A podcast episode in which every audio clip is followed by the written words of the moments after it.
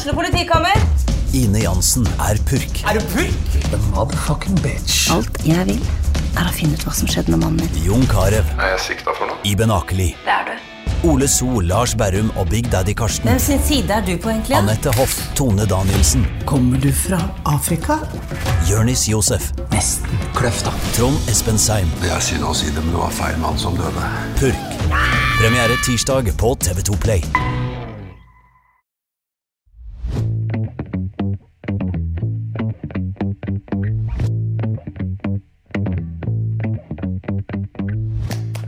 Hei og velkommen til en ny episode av TV-podden. Jeg er Elle Morgenstjerne, og jeg har prata med Linda Eide. Du vet, hun fra Språkshow. Vi snakker om språk og dialekt, men også om Jon Fosse. For hun kommer nemlig hit til Tønsberg med forestillingen Fosse for dumskaller. Og det jeg lurer på aller først, er hvor og hvordan ble du fossefrelst? Ja, det er jo ikke gjort på et sekund. Kan, det var mange plasser, men jeg eh, tror jeg lå mest i senga og las, eller i en stol. For jeg måtte plutselig lese veldig mye Fosse da jeg fikk det oppdraget fra Det Norske Teatret i 2021, tror jeg det var, om å lage denne forestillingen, da, Fosse for dumskaller. Da hadde jeg vel bare lest Naustet, ja, og den her trilogien, den her Olavs drømmer og Kveldsvevd og, og slikt. Og så satte jeg i gang. Og da blei jeg heldigvis, siden jeg skulle jo lese så mye Fosse, frelst. Fosse frelst. Og den som frelste meg aller mest, var nok septologien. Og den er jo lang. Så der var sånn, og der må du ha litt ro på deg. Så der er det egentlig helt tipp topp å ligge i senga eller eh, sitte i en stol og vite at du ikke skal noe på et par timer. Ja. Mm. For det føles jo litt uoverkommelig, så, og han er, føles litt utilgjengelig. Hva er det som skal til for å få folk til å lese Jon Foss, da? Spesielt hvis man syns at nynorsk er litt vanskelig? Ja, nynorsk, for først er jo hans nynorsk ikke vanskelig i det hele tatt. Og det er jo Altså, hvis du kan bokmål, så kan du jo nynorsk òg. Klart, hvis du aldri var borti verken bokmål eller nynorsk, og norsk er vanskelig for deg, så er jo kanskje Fosse vanskelig òg. Men det har ingenting med nynorsk å gjøre, vil jeg påstå, da. Det kan jo sikkert uh, diskuteres for noen, men det tror jeg har mer med en slags idé enn faktum å gjøre. For Fosse skriver veldig, veldig enkelt. Han bruker ingen fremmedord. Altså, det finnes ikke et ord som initiativ eller, eller parallell eller ikke engang et ord som motivasjon, tror jeg. Altså, han, han er så enkel. Han bruker bare ord som tilhører hverdagen. Så kan det jo være, som i alle språk, at det er noen ord en sjøl ikke er vant med, for at hovedpersonen kommer fra en annen plass eller har en annen kultur, men det er òg hverdagsord, egentlig, som av sammenhengen. Den, da vil en skjønne dem. Så jeg tror ikke Da må en bare switche knotten om, altså, hvis en tenker at det er det som er problemet. Og Så kan en jo heller begynne med noen enkle bøker. Sant? Så trenger ikke være så lange. Det er jo gode historier. Sant? En bok som 'Morgen og kveld', om denne fiskeren Johannes. Det er en veldig sånn kompakt bok om en veldig interessant dag. Det er jo døden og livet, men i ei tynn bok der du hele tida lurer på, på hva, hva, er dette, hva, hva, er det han driver med, hva er det som kommer til å skje? Og, og Sånn er jo mange av bøkene til Foss, at det ligger en sånn spenning og en nerve der i Ok, det er repeterende, men det er òg slik at du nesten som en krim, sånn som en Naustet, f.eks., ei tidlig bok, du lurer hele tida på hva det er som har skjedd og hva som skal komme til å skje. Så det er veldig sånn intense ting, egentlig, men som har en form som krever at du liksom setter litt ned og tar imot teksten. Så enkelt språk, men dype meninger, på en måte. Mye mat i bøkene til Jon Fosse, helt bokstavelig talt. De eter, og de venter på at de skal ete, og de tilbereder mat. Og det går i veldig sånne tradisjonsting. Det er karbonadesmørbrød og pinnekjøtt og lutefisk, og, men mye sånn mat. Og bilkjøring. Veldig mye bilkjøring, særlig i septologien. Mm. Men tror du, hvor, hvordan posisjon tror du han hadde hatt i Norge hvis han hadde vokst opp på Frogner i stedet? da? Nei, det er jo faktisk ikke sikkert at han hadde blitt den han er blitt. Da hadde han blitt en annen, og det kan jo hende han hadde fått uh, Nobelprisen for det. Men han sa jo sjøl den dagen ble, det ble kjent at han fikk den prisen, at han faktisk takka nynorsken.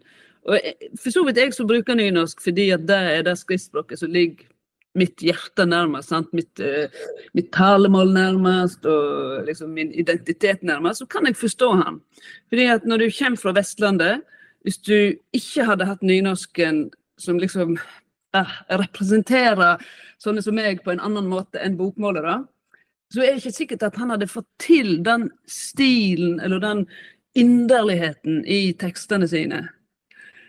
Og han sier jo sjøl at for diktingen sin Han kan skrive hvor som helst i verden. Setologien er jo skrevet i en liten landsby for det meste i Østerrike, ved den slovakiske grensa. Eh, Så han kan skrive hvor som helst, men han sier sjøl at han må ha Vestlandet i seg, hvis du skjønner. Sant?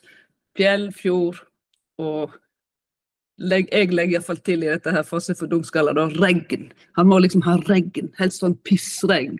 Sant? Det er ikke noe hardangerbløming i bøkene hans, det er liksom dette gråe pissregnet. Men det gir jo masse. Sant? Du må jo ha motstand skal det bli dramatikk. Du kan ikke bare ha solskinn. Det blir jo bare superkjedelig.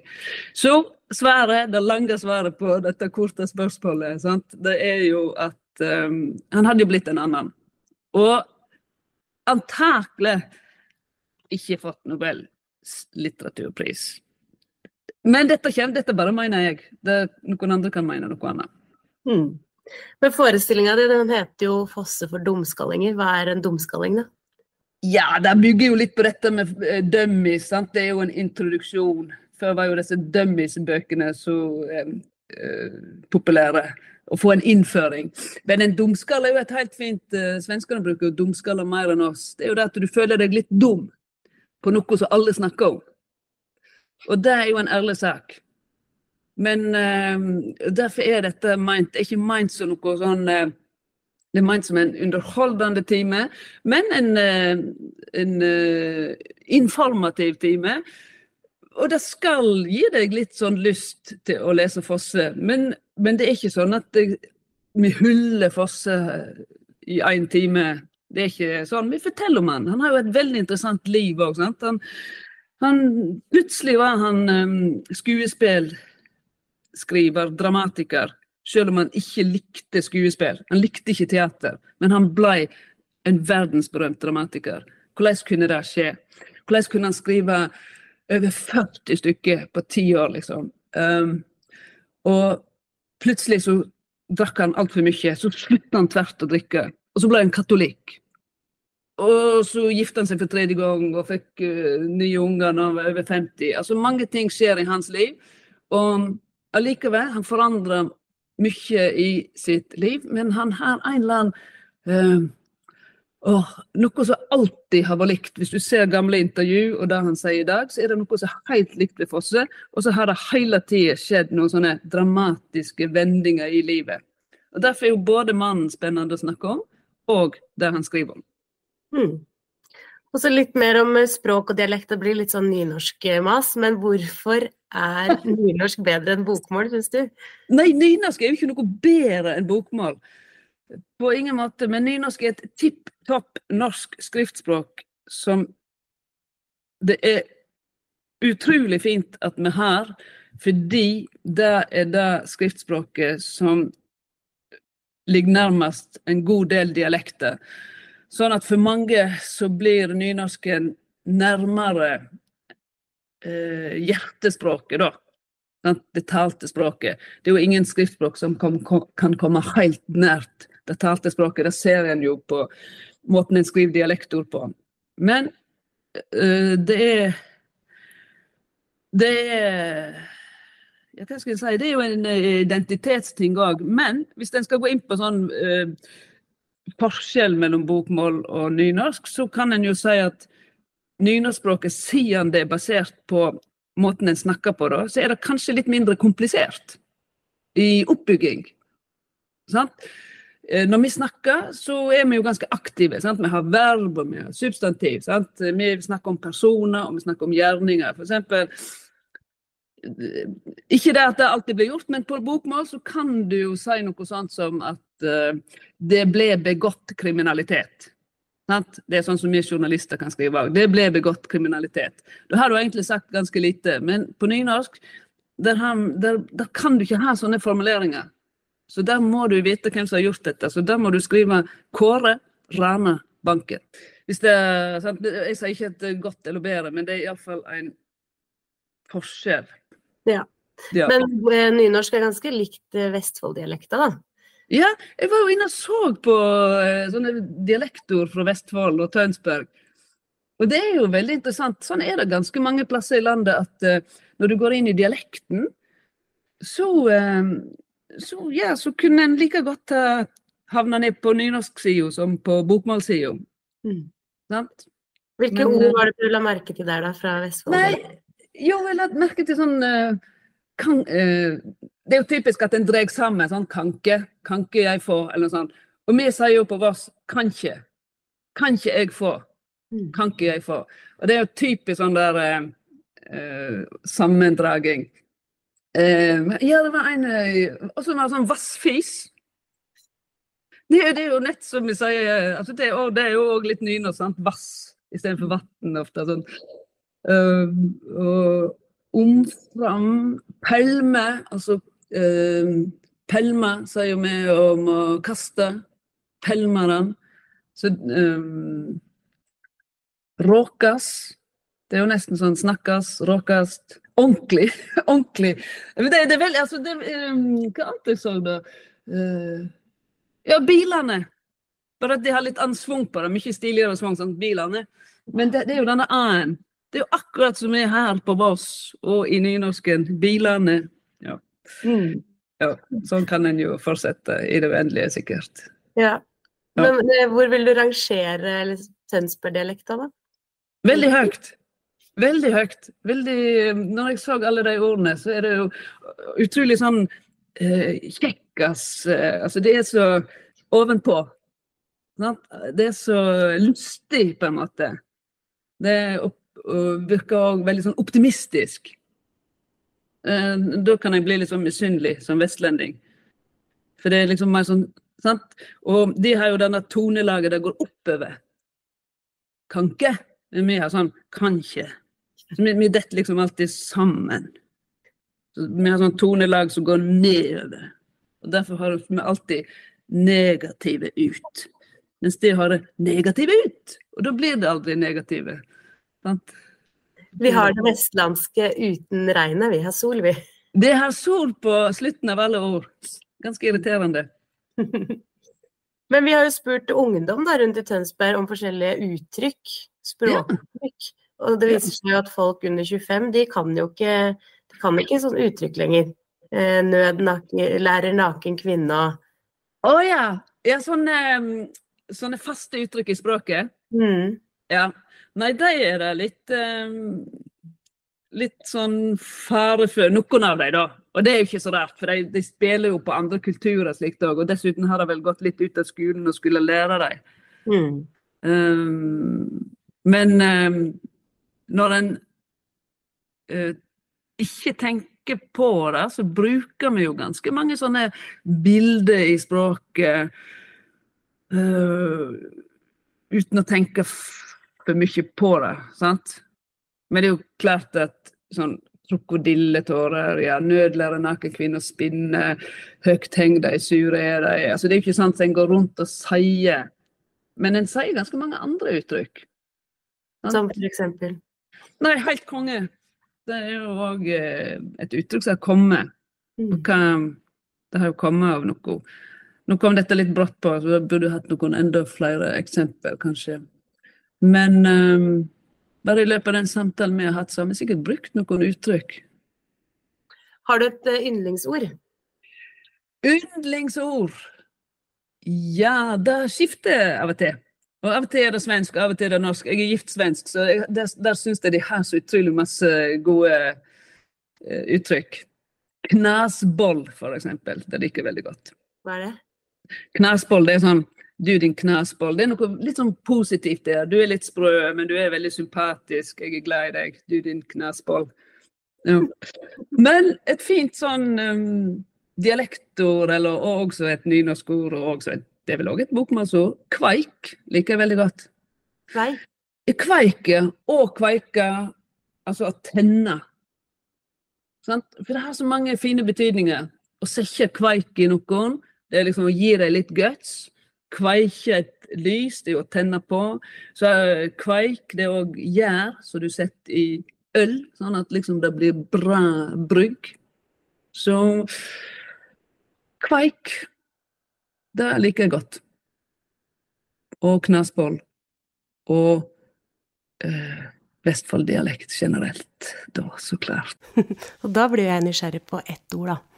Vi har et ord som eh, i Færder spesielt, som brukes om folk som ikke er fra området, og det er badegjest. Hva legger du i det ordet, badegjest? Ja, det er veldig bra ord. Da er du virkelig eh, på besøk. Ja. Men du, badegjest, ja. Det er veldig bra. Tenker du at det er negativt eller positivt? Nei, jeg tenker ikke at det er veldig negativt. Men jeg tenker at det handler om at noen er Det er ikke oss. Det er noen andre som kommer her, og, og de, de, skal ikke her få utføre noe oppdrag. De gjør ikke sånn veldig nytte for seg. Men likevel kan jo hende de legger igjen noen kroner, sant? så det er ikke sånn, det er jo en badegjest. Men de er heller ikke noe mer. Ja, verken fra eller til. Men um, det er iallfall ikke der for å gjøre ugagn, vil jeg tro. Nei. Er det negativt? Bruker de det negativt? Det er litt uh, forskjellig, tror jeg. Noen ja. som bruker det, tenker at det er positivt eller nøytralt, men noen av de som det blir brukt om, tenker at det kanskje kan være negativt. Ja, jeg kjenner, Det er jo alltid litt problematisk der, hvis en har en favorittbadeplass, og plutselig kommer det noen utenfra kan faktisk kjenne det at jeg har et vann hjemme på Voss. som er liksom, Det tenker jeg alltid på som vårt vann, der som jeg kommer ifra. Og plutselig så har det stått i lokalavisa om dette vannet, som ikke så mange andre på Voss bruker. Og plutselig det, kom det folk fra andre plasser på Voss. Og plutselig var den badeplassen jeg pleide å bruke, den var opptatt. Og da merket jeg at det gikk en sånn der Søren òg, men dette er, jo, dette er jo min badeplass. Dette er jo vårt vann. Så jeg tror det er ganske universelt.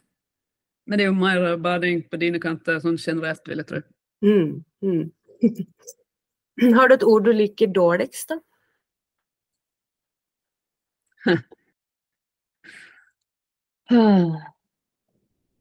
Nei, det er vel vi. Må bare si det. Kan ikke la det være. Skjønner. Men før vi avslutter, så må vi jo snakke litt mer om Tønsberg. For du har vært i Tønsberg? Ja, jeg har kjørt meg vill i Tønsberg. Ja. I NRK-regi. Pleier du å rote deg bort ofte, da, eller? Ja, jeg kan rote meg vekk, ja. Er det, hva er ditt beste Tønsberg-minne, da? Det var når vi endelig kom fram til Tøns, Tønsberg Blad for vi skulle gjøre et intervju. Dette var sommerbilen for noen år siden. Og da eh, var det ingen som var guide inne i byen der, så jeg klarte ikke Og vi hadde med en intervju, en gjest i bilen, så jeg kjørte veldig lenge feil, og det gikk jo utover timingen og alt på sendingen. Men endelig så, så var vi plutselig ved et slags mirakel der vi skulle være. Så det er mitt beste minne om Tønsberg, det er å finne fram. Og det verste minnet med Tønsberg? Det bare å kjøre med bil på direkten. Men, eh, så det er faktisk bare den gangen jeg har vært i Tønsberg. Det er jo helt med skam å melde. Virkelig. Ja.